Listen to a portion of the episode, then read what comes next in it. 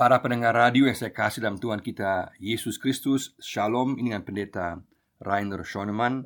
Pada saat ini kita bersama-sama akan merenungkan tema Merubah krisis menjadi kemenangan. Merubah krisis menjadi kemenangan. Kita membaca dari Matius pasal 14 ayat 22 sampai 33 Matius 14 ayat 22 sampai 33 Yesus berjalan di atas air Sesudah itu, Yesus segera memerintahkan murid-muridnya naik ke perahu dan mendahuluinya ke seberang. Sementara itu, ia menyuruh orang banyak pulang.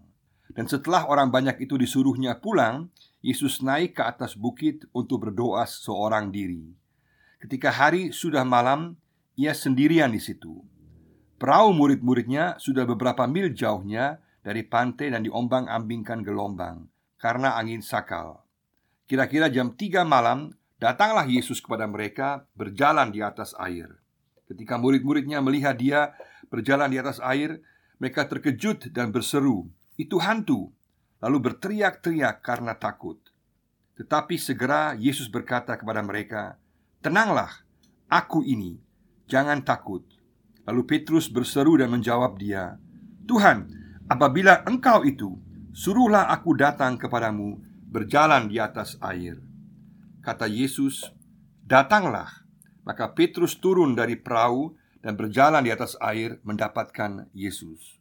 Tetapi ketika dirasanya tiupan angin, takutlah ia dan mulai tenggelam, lalu berteriak, "Tuhan, tolonglah aku!" Segera Yesus mengulurkan tangannya, memegang dia dan berkata, "Hai orang yang kurang percaya, mengapa engkau bimbang?" Lalu mereka naik ke perahu dan angin pun redalah. Dan orang-orang yang ada di perahu menyembah dia katanya, Sesungguhnya engkau anak Allah.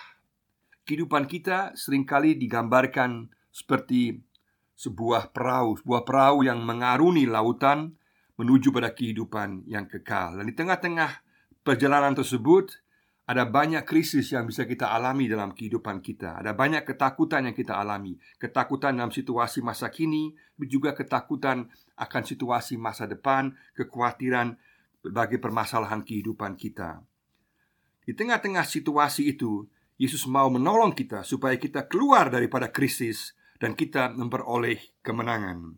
Itulah tujuan Yesus agar kita semua memperoleh kemenangan bersama-sama dengan Dia. Untuk itu ada tujuh hal yang kita perlu perhatikan. Tujuh hal dari teks ini Bagaimana kita bisa merubah krisis menjadi kemenangan. Yang pertama adalah Sadar dan jujur akan keadaan krisis yang kita alami. Sadar dan jujur akan keadaan krisis yang kita alami. Kita baca di ayat 22 dan ayat 24 dan juga ayat 30 Di sini digambarkan bagaimana para murid yang sudah menjauh dari Tuhan dengan perahu mereka. Mereka mengalami gelombang yang tinggi, mereka mengalami angin yang kencang, dan kapal mereka juga penuh dengan air. Semua ini melambangkan bahwa mereka berada dalam keadaan yang sungguh-sungguh darurat, yang gawat, yang krisis. Dan kalau kita gambarkan dengan kehidupan kita, ada kemiripan pada saat kita jauh daripada Yesus, kehidupan kita kurang mempedulikan Yesus, kita menjauh dari hubungan dengan Yesus, maka banyak kali terjadi bahwa ada gelombang-gelombang angin kencang yang kita alami dalam kehidupan kita, baik secara pribadi, dalam kehidupan rohani kita, kita mengalami berbagai keraguan, kita mengalami berbagai kekecewaan, kita mungkin juga mengalami berbagai permasalahan di tengah-tengah pekerjaan kita, kehidupan keluarga kita, dalam berbagai situasi kehidupan kita, kita mengalami berbagai situasi karena kita menjauh daripada Tuhan. Adanya permasalahan-permasalahan besar dalam kehidupan kita yang membebani kita, yang membawa derita bagi kita, ini merupakan krisis dalam kehidupan kita. Dan sering kali juga kita lihat bahwa Tuhan memakai krisis-krisis dalam kehidupan kita untuk memanggil kita kembali kepadanya. Misalnya juga dalam Ibrani pasal 12 ayat 6 sampai 8 juga dikatakan dengan jelas bahwa Tuhan mendidik anak-anak yang dikasihinya. Maka berbagai krisis yang kita alami dalam kehidupan kita itu bukan tujuan untuk menghukum kita, tapi tujuannya adalah untuk membawa kita kembali, memanggil kita kembali supaya kita kembali ke dalam persekutuan bersama-sama dengan Tuhan. celakalah kita kalau Tuhan tidak peduli lagi pada kita dan tidak lagi mengajar kita dan tidak lagi memanggil kita. Dan pada saat kita mengalami krisis, itulah cara Tuhan yang Tuhan pakai dan masing-masing kita tahu secara pribadi bagaimana Tuhan sedang memanggil kita kembali kepadanya. Dan bukan hanya kembali untuk keluar dari masalah yang kita hadapi, bukan hanya keluar dari krisis yang kita alami, tapi sekaligus juga supaya kita kembali kepada keselamatan, tujuan hubungan yang kekal bersama-sama dengan Yesus, kepada pembaharuan diri, kepada pertumbuhan pribadi kita. Sehingga kita boleh melihat bahwa semua krisis yang kita alami merupakan terapi Allah untuk membawa kita kembali kepada kemuliaannya. Kita harus melihat bahwa krisis permasalahan yang kita alami merupakan cara-cara Tuhan untuk memanggil kita kembali kepadanya dan harus dilihat dari tujuan rencana Allah yang indah bagi kita bahwa Allah mau mempersiapkan kita untuk suatu kehidupan kekal dalam hubungan dengan Yesus Kristus dalam kemuliaan bersama-sama dengan Dia.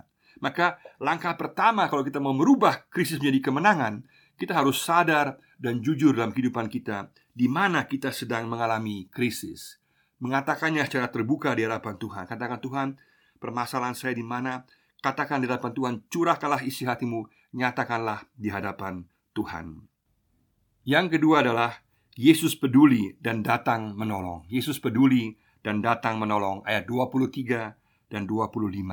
Jauh sebelum kita mengalami krisis kita, Yesus telah mengetahuinya. Sama juga di sini, meskipun Yesus jauh daripada para murid, dia mengenal situasi yang mereka alami di tengah-tengah gelombang angin sakal yang mereka sedang alami. Dan Yesus peduli, bahkan dia berdoa dan kemudian dia datang untuk menolong. Sehingga kita juga boleh tahu bahwa apa pun situasi kita, keadaan kita, kita boleh tahu Yesus tetap memegang kendali atas kehidupan kita memegang kendali atas krisis yang sedang kita alami dan dia tetap peduli dan dia akan datang menolong. Dan cara Yesus untuk datang menolong bisa berbeda-beda. Dan mungkin tidak sesuai seperti yang kita harapkan, tapi dengan berbagai cara Tuhan akan datang untuk menolong kita, membawa kita keluar, memulihkan kita dan juga mengangkat kita keluar dari situasi yang kita sedang alami. Yesus peduli dan datang menolong. Ini tetap berlaku untuk para murid pada masa lalu dan juga berlaku untuk kita di masa kini. Yang ketiga adalah mengakui ketuhanan Yesus, mengakui ketuhanan Yesus ayat 28. Kalau kita mau keluar dari situasi krisis yang sedang kita alami, kita harus mengakui bahwa Yesuslah Tuhan. Dan di sini digambarkan luar biasa bahwa Yesuslah Sang Pencipta yang berkuasa atas alam, Yesuslah sang penyelamat yang menyelamatkan kita dari krisis yang kita alami sekaligus juga dari kematian kekal dan Yesuslah penggenap daripada segala janji-janjinya. Yesus memperkenalkan dirinya di sini dengan kata-kata ini aku, jangan takut. Dalam Alkitab lebih dari 600 kali dikatakan jangan takut karena manusia dasarnya penakut dan kita boleh tahu bahwa bersama-sama dengan Yesus kita merasakan aman, sentosa, ketenangan dalam diri kita. Yesus memperkenalkan diri dengan kata ini aku dan aku adalah kata yang sama yang juga dipakai ketika Allah memperkenalkan dirinya sebagai Allah Yahweh. Aku adalah aku. Yesus adalah Allah yang Maha Kuasa, Sang Pencipta, Sang Penyelamat, dan Sang Penggenap. Dan Yesus kemudian membuktikan bahwa Dia yang berkuasa karena Dia kemudian meredakan angin ribut yang terjadi. Sangat penting bahwa kita membawa krisis kita, permasalahan kita, krisis kita ke alamat yang tepat, alamat yang benar, bukan sembarang alamat. Jangan bawa kepada alamat-alamat yang salah, karena hanya Yesuslah yang dapat menolong. Dialah Sang Pencipta, Penyelamat, dan Penggenap yang akan menggenapi segala sesuatu dan juga akan memulihkan kita. Dan dia sekaligus juga lah pemberi hikmat kepada kita Yang akan memberikan nasihat kepada kita Petunjuk kepada kita Untuk kehidupan sehari-hari kita. Bagaimana kita bisa menghadapi berbagai persoalan krisis di tengah-tengah kehidupan kita? Yang keempat adalah Datang kepada Yesus. Datang kepada Yesus Meraih bimbingan tangannya. Datang kepada Yesus Meraih bimbingan tangannya. Ayat 29 dan ayat 30 satu. Sungguh luar biasa. Ketika Petrus kemudian bertanya, "Engkaukah itu?" Yesus katakan, "Datanglah kepadaku." Datanglah. Maka ketika kemudian Petrus datang, dia kemudian mengalami bahwa dia pun mampu berjalan di atas air karena dia meraih tangan Yesus, dia meraih bimbingan tangan Yesus, datang kepada Yesus. Dalam kehidupan kita untuk keluar dari sebuah krisis, kita harus mengambil sebuah keputusan yang jelas. Apakah kita mau tetap tinggal dalam beban masalah ataukah kita mau keluar dari krisis permasalahan yang tengah kita hadapi? Dalam hal ini kita harus sangat-sangat serius mengambil langkah-langkah secara tegas untuk keluar mengatasi permasalahan. Dan langkah-langkah ini kadang-kadang kurang menyenangkan secara manusia, mungkin korban rasa malu, harga diri, tetapi mutlak supaya kita mengalami suatu proses pemulihan sehingga proses pemulihan dapat dimulai sama seperti operasi. Kalau kita dioperasi oleh dokter itu menyakitkan tapi kemudian membawa kesembuhan. Dengan demikian kejujuran dalam analisa tentang kondisi kita sendiri, situasi kita sendiri sangat penting dan juga perlu ada suatu kemauan keras, suatu keputusan yang jelas untuk mau keluar dan tidak takut akan konsekuensi karena kita tahu Yesus pasti akan memulihkan kita. Yesus pasti akan menolong kita. Kita tidak perlu rasa takut atau malu atau melihat orang lain tidak perlu. Kita perlu melihat diri kita sendiri dalam hubungan kita dengan Tuhan. Yang kelima adalah meyakini penyertaan Yesus. Meyakini penyertaan Yesus.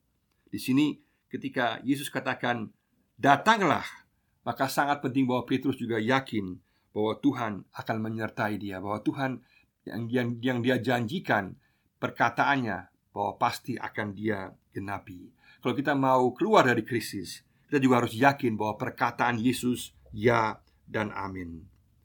Kalau pada saat kita berseru kepada Yesus, maka kita akan ditolong. Kita datang pada Yesus, kita akan ditolong oleh Yesus pada saat kita berseru kepada nama Yesus, tolonglah aku. Sama dengan kisah para rasul 2 ayat 21 dikatakan bahwa semua yang berseru pada nama Tuhan akan diselamatkan. Juga kisah para rasul 4 ayat 12 mengatakan bahwa tidak ada nama lain yang menyelamatkan kecuali nama Yesus yang membawa keselamatan. Pada saat kita berseru, pada saat kita meyakini janji penyertaan Yesus, maka kita akan keluar dari krisis yang tengah kita hadapi. Jangan coba sendiri, tapi sungguh-sungguh kita mau datang kepada Yesus dan mau mengandalkan bimbingan Yesus. Yang keenam adalah selalu memandang kepada Yesus. Selalu memandang kepada Yesus ayat 30. Pada saat kita menghadapi berbagai persoalan, jangan melihat ke kiri dan ke kanan, jangan melihat keadaan yang lain, Selalu lihatlah kepada Yesus Sama seperti di dalam perjanjian lama umat Israel di padang gurun Mereka memandang kepada ular tembaga Dan mereka mengalami keselamatan. Mereka disembuhkan Mereka tetap sehat. Pada saat mereka tidak memandang kepada ular tembaga Mereka mengalami kematian. Hal yang sama juga berlaku untuk kita. Selalu memandang kepada Yesus. Pada saat kita mengalami krisis, situasi yang sulit Selalu lihat kepada Yesus. Jangan lihat kepada yang lain. Jangan lepaskan bimbingannya. Jangan lepaskan tangannya.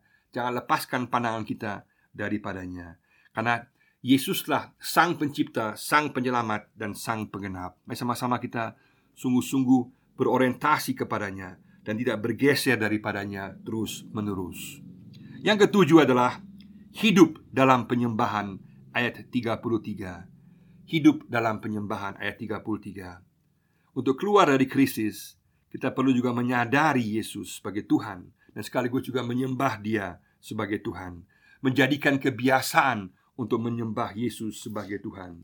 Di sini para murid kemudian mengakui bahwa Yesus adalah anak Allah. Pada saat kita menyembah Yesus, berarti kita sungguh-sungguh menyadari keberadaan Yesus, hakikat Yesus, sifat Yesus, sehingga kita mulai tahu bahwa apa pun yang terjadi dalam kehidupan kita, kita berada dalam naungannya, dalam berkatnya, dalam bimbingannya, dan dalam pertolongannya. Dia tidak akan meninggalkan kita sendiri. Kalau kita membiasakan diri untuk menyembah Yesus, maka kita akan dikuatkan dalam menghadapi berbagai persoalan. Karena kehidupan kita, kita akan selalu dicobai oleh iblis yang mau mengalihkan perhatian kita daripada Yesus. Mari sama-sama pada saat ini kita mau sungguh-sungguh merubah krisis menjadi kemenangan. Kita mau sungguh-sungguh sadar dan jujur akan keberadaan kita di hadapan Tuhan, mengakuinya di hadapan Tuhan. Kita mau yakin bahwa Yesus peduli dan akan menolong kita. Kita sungguh-sungguh mengakui ketuhanan Yesus sebagai pencipta, sebagai penyelamat, sebagai pengenap janji-janjinya. Kita mau datang kepada Yesus, kita mau berseru kepada Yesus. Tolonglah aku, tolonglah aku untuk keluar dari situasi krisis yang kita alami, sekaligus juga untuk kita memperoleh kehidupan yang kekal. Kita mau meyakini janji penyertaan Yesus, bahwa Yesus akan tetap bersama dengan kita, tidak meninggalkan kita di tengah-tengah krisis yang tengah kita alami. Kita mau selalu memandang kepada Yesus. Katakan, "Aku mau memandang kepada Yesus." Aku mau berorientasi kepadanya di tengah-tengah situasi yang sekarang sedang aku hadapi. Dan aku mau hidup dalam penyembahan, mengakui Yesus adalah anak Allah. Dialah yang pemenang atas krisis, baik kehidupan maupun kematian, dosa dan maut dan kuasa kegelapan. Dan karena Yesus menang, aku pun juga akan menang bersama-sama dengan Yesus. Mari kita menyembah Dia. Mari sama-sama kita keluar dari krisis bersama-sama dengan Yesus. Kiranya Tuhan Yesus memberkati kita semua. Amin.